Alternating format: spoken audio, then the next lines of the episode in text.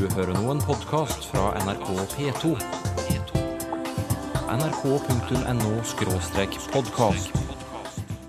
Kom an! Og da måtte jeg snu, så jeg gikk tilbake.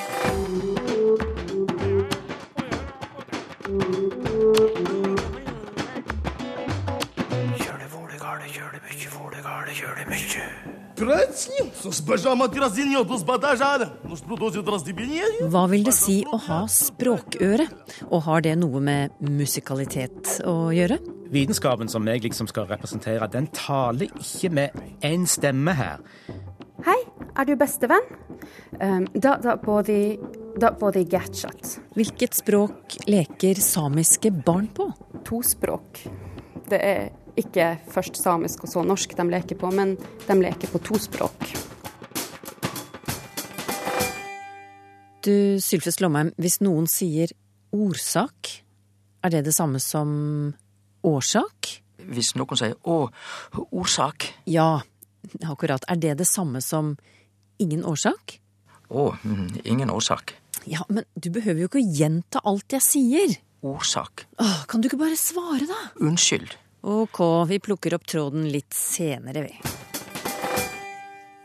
Å ha språkøre, hva vil det si?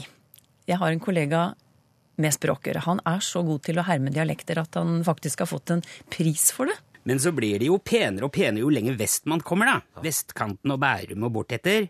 Og forbi Drammen og nedover mot Sørlandet. Men eh, når du kommer eh, nedover, så skjer det plutselig noe. Før du var ordet av det, så har rulleren forsvunnet. Så driver vi med skarre. Du kommer ned mot Tvedestrand og Erndal og Grimstad og Men fortsatt så er det veldig lett å høre tonefallet til østlendingene, som er blanda i sørlandsdialektene. Men det er bare til du kommer til Kristiansand. For da dypper tonefallet ned igjen, og så blir det veldig tydelig Sørland. Kollega Rune Nilsson imiterte utallige dialekter på løpende bånd i P1-programmet Lunsj, og ble hedret med prisen Årets radioøyeblikk for det.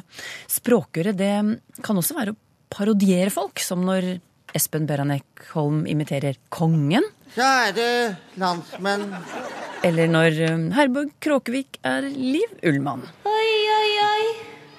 Så deilig. Hei, Rune. Hei, hei. Vi snakker litt om dette med Se ens... alle mennesker. Alle øynene som stråler mot meg. Ja, hva syns du, fonetiker Jan Christian Hognestad? Du, jeg bøyer meg rett og slett i støvet. og, og den lille fonetikeren i meg er grønn av misunnelse, for dette her skulle jeg òg gjerne ha kunnet gjøre. Ja. Har du flere eksempler på hva språkøre kan være? Ja, du vet, de eksemplene vi hørte her, var jo egentlig helt skal vi si, kurant språk. eh, Bare med visse dialektale eller individuelle kjennetegn. Men så er det noen som rett og slett klarer å tøysesnakke på noe som ikke er språket i det hele tatt. Det er ingen faktiske ord eller setninger som vi kan identifisere, men det høres grangivelig ut som f.eks.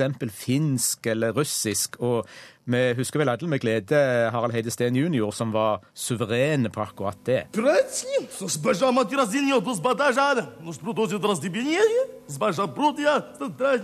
Harald Heide Steen jr. var det, selvfølgelig. Men å snakke fremmedspråk ordentlig, da, med, med svært god autentisk uttale, har du språkøre da også, kanskje? Ja visst. Og, og det er jo kanskje det mest skal vi si, åpenbare dagligdagse eksempelet på uh, språkøre. Men det fenomenet, altså å snakke uh, fremmedspråk veldig bra, det har et par ganske raffinerte slektninger, for å si det sånn. Uh, det ene kan være å snakke engelsk med påtatt norsk aksent, f.eks. som en østlending ville ha snakket engelsk.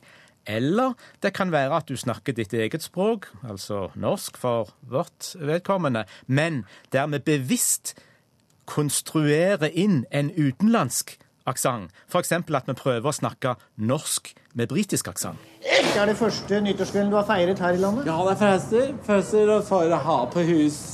Men det har det feiret St. Patrick on Failings. Og det er det akkurat samme det har England. Det, det rett her, og det feirer rett etterpå. Coming on og så det- Trond-Viggo Torgersen var det, som den forkjølte skotten. Men hva er det han gjør, egentlig? Hva er det han og de andre vi har eh, nevnt nå, gjør når de imiterer og hermer andres måte å snakke på? Jeg tenker først på litt på hva vi gjør når vi kommuniserer på ordentlig. Hva er det da vi først og fremst må ha? Jo, vi må ha ord, og egentlig kan vi klare oss med det. Vi kan klare oss bare med noen få ord, og så blir vi litt flinkere, og så kan vi sette ordene sammen til fraser og setninger, og så når vi blir virkelig flinke, så kan vi legge på holdt på å si, glasuren. Da kan vi sørge for at vokalene blir helt riktige, at tonefallet og rytmen blir helt riktig. Sånn er det når vi snakker andre språk. Men disse folkene her som vi har hørt på nå, de snur på sett og vis denne logikken opp ned. Fordi at hos de er det ikke ordene de bruker som regel, da, som er det viktige, og heller ikke setningsstrukturen eller grammatikken for øvrig. Det de legger seg etter, er lydene og tonene og rytmen eh, i det språket de skal prøve å imitere, eller den personen de skal prøve å imitere. Har du, kan du peke på et eksempel? Ja, hvis vi eh, går tilbake til det vi faktisk hørte. Eh, la oss ta Rune Nilsson. Eh, han markerer jo Sørlandet med skarre-r, og så sier han ikke Arendal, han sier Arendal. Eh, og når han skal bruke ordet tonefallet, så sier han tonefallet. Eh, det kaller vi for diftongering.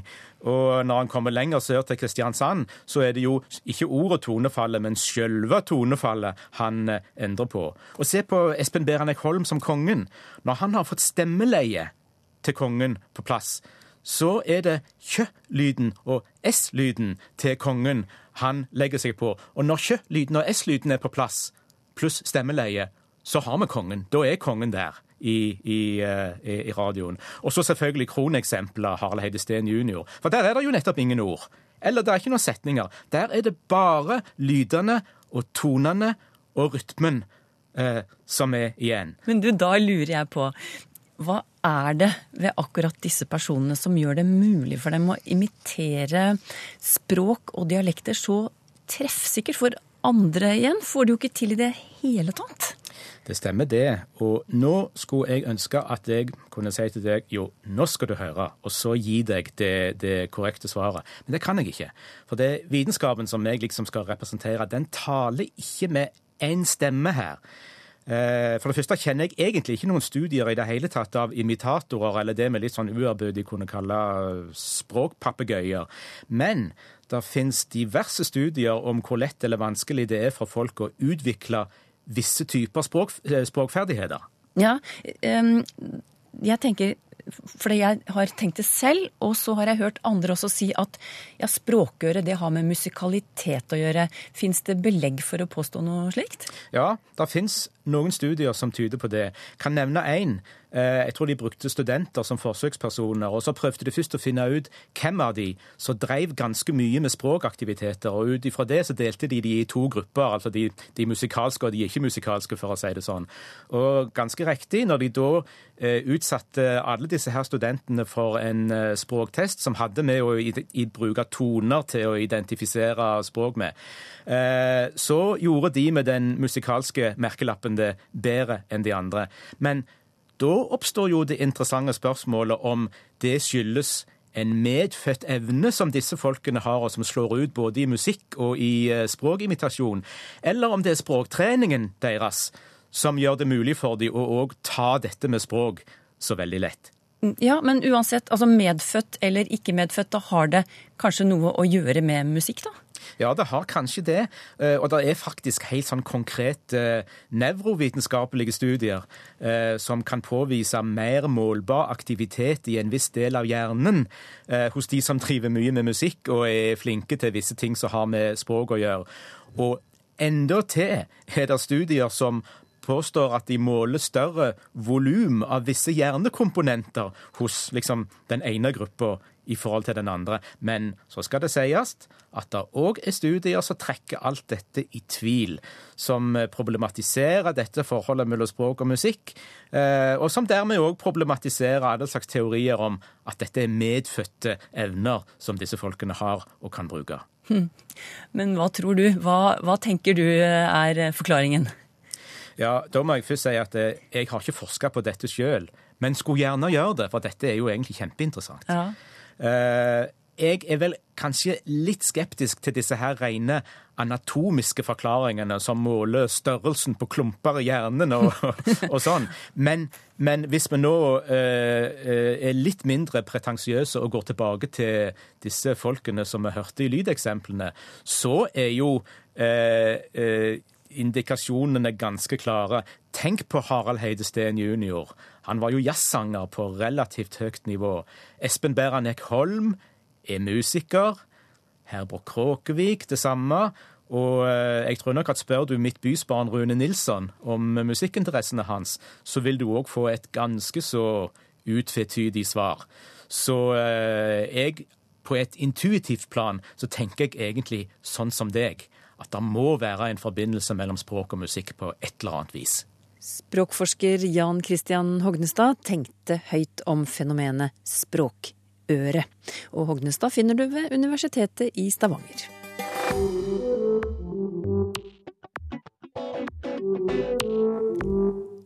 Språket speiler samfunnet, heter det.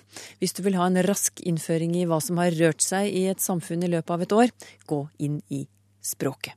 Og det skal vi gjøre i år også, med hjelp fra andre deg som lytter.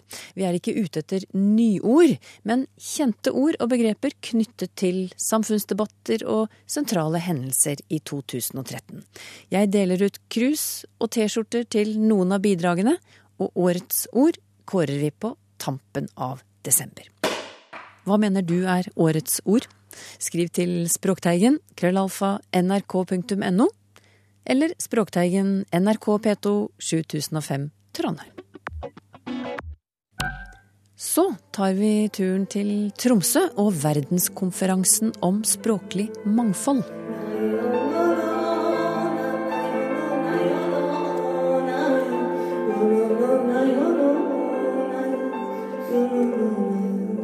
Unge artisten Katarina Baruk fra Västerbotten i Sverige framførte egne sanger på umesamisk under åpningen av denne konferansen tidligere i november.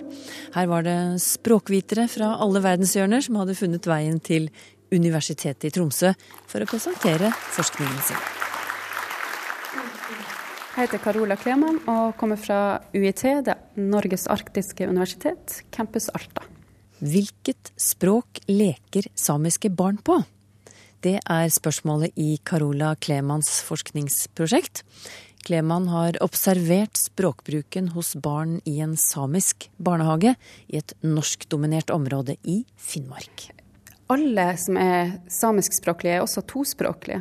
Eh, og jeg jobba i førskolelærerutdanninga eh, i flere år eh, og har opplevd hvordan ungene leker. Så jeg ble veldig nysgjerrig på hvordan leker de tospråklige barna. Velger de f.eks. norsk når de leker norske ting, og velger de samisk når de leker samiske ting. Det gjorde de ikke. Ja. Vi skal høre mer om det, men kan du ikke først fortelle hva slags eh, språkbakgrunn disse barna har? Altså hvordan snakkes det hjemme hos dem? Eh, hjemme hos dem så har de en tospråklig praksis. Eh, det kan gjerne være sånn at den ene forelderen snakker norsk, den andre snakker samisk. Um, eller at begge foreldrene er tospråklige samisk-norsk, uh, er også ofte tilfellet. Og så som sagt så har du observert dem da, mens de har lekt rollelek i barnehagen. Og hva har du funnet? Hvordan bruker de disse språkene sine i leken? Ja, de bruker språkene sine etter rolleleken sine regler, og ikke etter noe slags um, identitetsregler om hva som er samisk og hva som er norsk. Når du sier rolleleken sine regler, hva ligger i det? I rolleleken så har de forskjellige typer ytringer, sånn som regiytringer, hvor de forklarer hva som skjer i leken, og rolleytringer, hvor de har replikkene til eh, figurene de leker med. Og magiske ytringer, de, der man ved å si et ord, sånn som spise, spise, får det til å skje. Kan du ikke fortelle om en av de scenene som du observerte. Du har eh, et, et, ark her hvor du har skrevet opp, for vi får ikke lov til å, å spille av lyd. Det, det, er for å beskytte barna. Mm. Det, men eh, du kan spille litt radioteater for oss nå. Hva er situasjonen? ja, jeg får leke. Um, Dette er fra en uh, lekesekvens som jeg har kalt for 'Drager og slott'. Det er to barn, Anna og Pierra, som er fire år og et par måneder. De leker med et sånn Little People-slott eh, og masse figurer. Prinsesser, drager, eh, en konge. Eh, litt forskjellig. Akkurat nå så holder de på å gå rundt med noen figurer, så jeg skal lese noen eh, ytringer fra dem. Først er det Anna som kommer inn, eh, som eh, snakker. Nå har de allerede snakka lenge på samisk og hatt masse regiytringer på samisk. Um, da, da både, da både Gatchat, det her er altså på samisk, og en regiytring hvor hun sier um, den her, den kom, den kom for å se. Og så følger Pierre opp med en rolleytring. Hei, er du bestevenn? Det her er altså lekespråk eh, for dem. Eh, han har en rolleytring. Anna følger opp med en rolleytring på norsk igjen. Ja. Eh, Pierre fortsetter så videre med en regiytring. Og prinsessen reddet de. Denne gangen eh, regiytringa på norsk.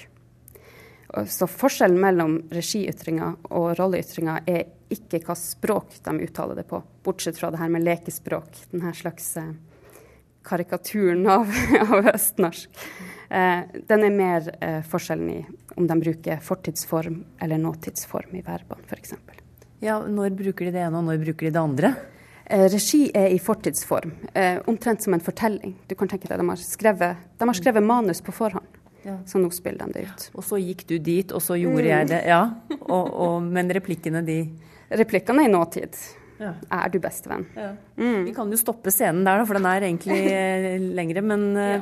men, men, men hva er det som avgjør om disse barna bruker norsk eller samisk i denne rolleleken? Ut av det mønsteret jeg ser, så ser det ikke ut til at språk betyr noe spesielt. De kan velge hva språk som helst. Det er denne ytringstypen som bestemmer eh, hvordan de forstår når det er en rolleytring eller når det er en regiytring. Så er det eh, den tonevariasjonen som ligger i rolleytringa f.eks., eller denne fortidsformen i regiytringa. Og da kan de bruke enten norsk eller samisk. Så jeg tror ikke språk er så viktig. Ja, Er det det som er eh, konklusjonen din? Ja, konklusjonen min er egentlig at de leker rollelek på tospråk. Det er ikke først samisk og så norsk de leker på, men de leker på to språk.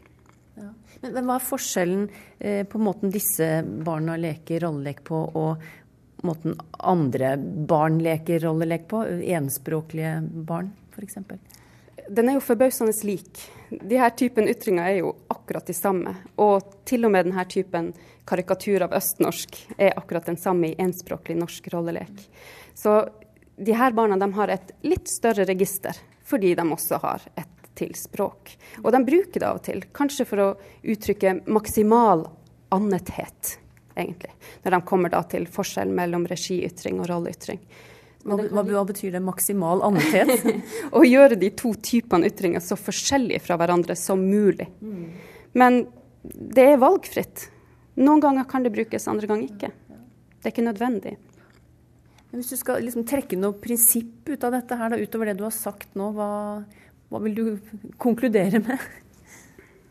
Først og fremst er at de, de, de leker rollelek på en tospråklig måte. Sånn, sånn at de er først og fremst ute etter å leke. De er ikke ute etter å bruke to språk. De øver seg ikke på å bruke to språk. De bruker to språk fordi de kan.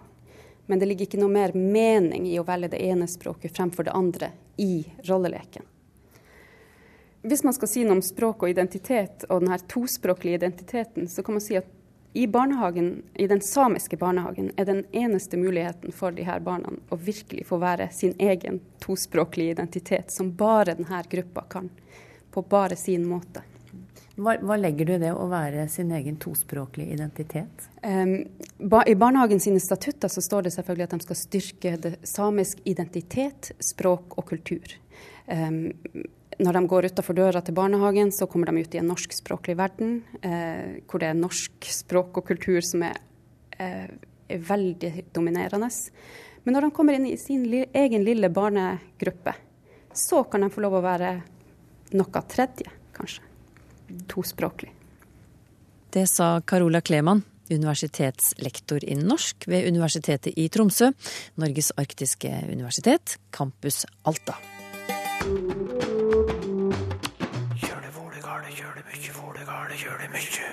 Så var det du og jeg, da, Sylfest Lomheim, og alle språknøttene lytterne fòrer oss med, som denne. Hvorfor sier vi ingen årsak? Det er Bjørnar S. Utheim som spør.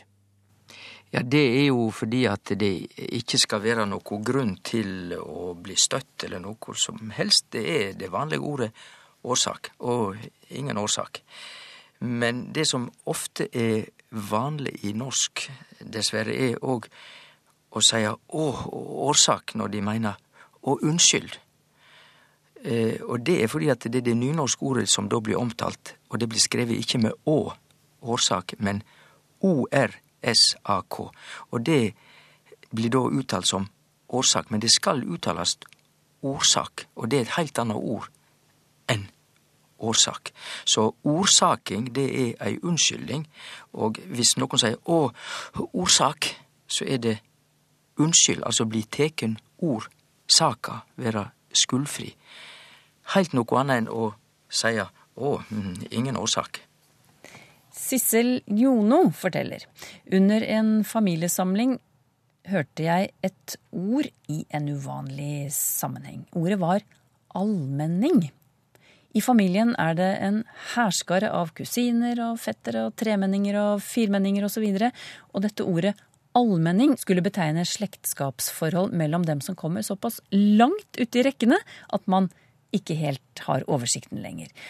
Er dette kjent, eller er det bare i gåseøyne kreativ tankegang? Jeg tror jeg vil ta det i bruk, skriver Sissel til slutt. Sissel Jono, du har du burde få blomster for din språklige kreativitet, du og din familie, fordi dette er heilt ukjent for meg. For meg er dette et ord som jeg kjenner fra det gamle norske jordbrukssamfunnet. En allmenning var det som var felleseie for bønder, og der kunne alle bøndene bruke skogen og sende dyra på beite der, og så videre. Altså, det var for alle menn, alle mennesker, allmenning. Men du altså tatt det i bruk for veldig fjerne slektninger som det er en heil haug av. Altså, de er ikke tremenninger, ikke firmenninger, ikke femmenninger, men allmenninger. Gratulerer, Sissel Jono. Artig. Kreativt. Tor Georg Buer trenger litt hjelp med pronomen, skriver han. Han jobber sammen med en studiekamerat om en oppgave. Og denne studiekameraten har blitt veldig bevisst på å være politisk korrekt når det kommer til kjønn, og det skaper diskusjoner dem imellom. Eh, Buer skriver at de skal jobbe med noen elever i et prosjekt, og når de skal referere til noen av disse elevene skriftlig uten å vite hvilket kjønn det er, så vil studiekameraten ikke nøye seg med å skrive han skråstrek hun, men han skriver den. Og Tor Georg Bue synes det høres forferdelig kunstig ut. F.eks.: Eleven setter seg inn i bilen, deretter justerer den setet og speilene. Han syns at han skråstrek hun er eh, tungvint, men hvorfor ikke bare skrive han? Jau, det ville jeg ha gjort uten å nøle, fordi at eh, elev er hannkjønn på norsk, én elev, og dermed kan vi omtale eleven som han. Og her må vi da hugsa på at det har ingenting med det personlige kjønnet, altså kva biologisk kjønn vedkommende person har. Dette er en rein grammatisk sak. Eh, men hvis folk ikke liker å skrive 'han' om eleven, selv om det er både jenter og gutter, så kan de eh, finne andre løsninger. Du kan skrive 'vedkommende', eller du kan gjøre det om til flertall.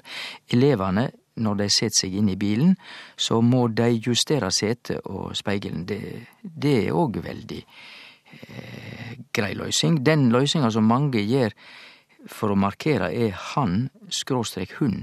Den liker jeg ikke så godt, ikke fordi den ikke er rett, men den eh, skråstrek i løpende tekst er ikke pent, meiner jeg, og en del andre mener det samme. Og det er ingenting å bruke skråstreker vi kan finne andre løysingar. Eh, det, det, det, er mye debatt om dette her, fordi at uh, iallfall på nynorsk så er det veldig uh, konsekvent at substantiv på hankjønn skal omtales med han, substantiv som er hokjønn skal omtales med ho. Men så er det slik at på, på bokmål så er pronomesystemet annerledes. Der kan vi bruke den hvis substantivet, som er hankjønn, er ikke levende. Og det samme med et substantiv på hokjønn som ikke er levende, for eksempel døra. Så kan døra omtales som den på bokmål.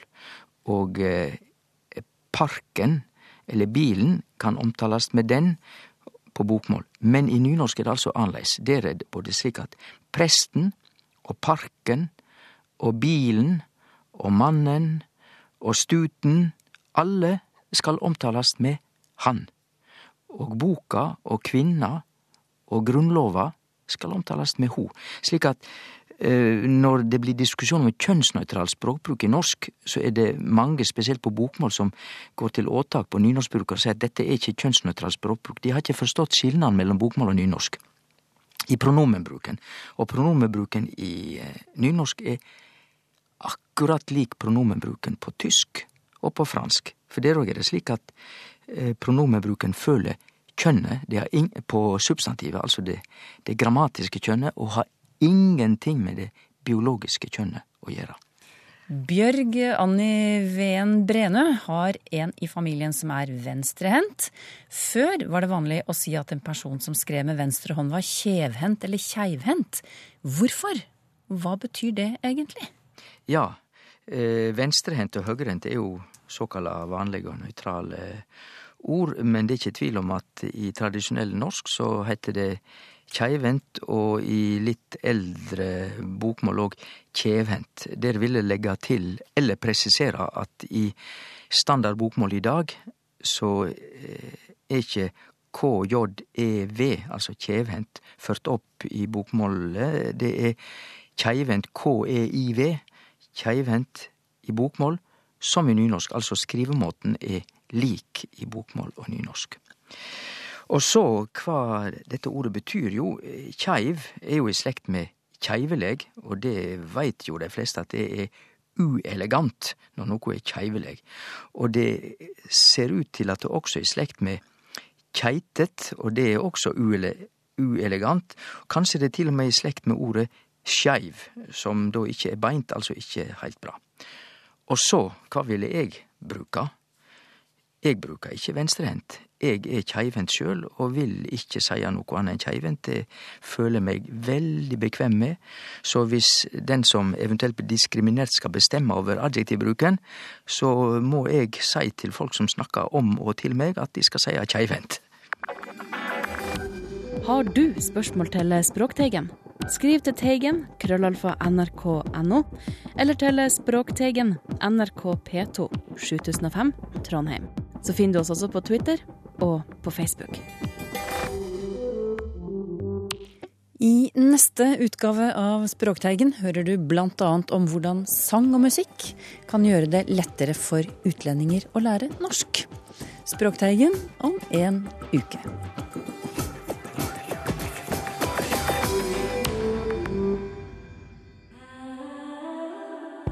nrk.no podkast.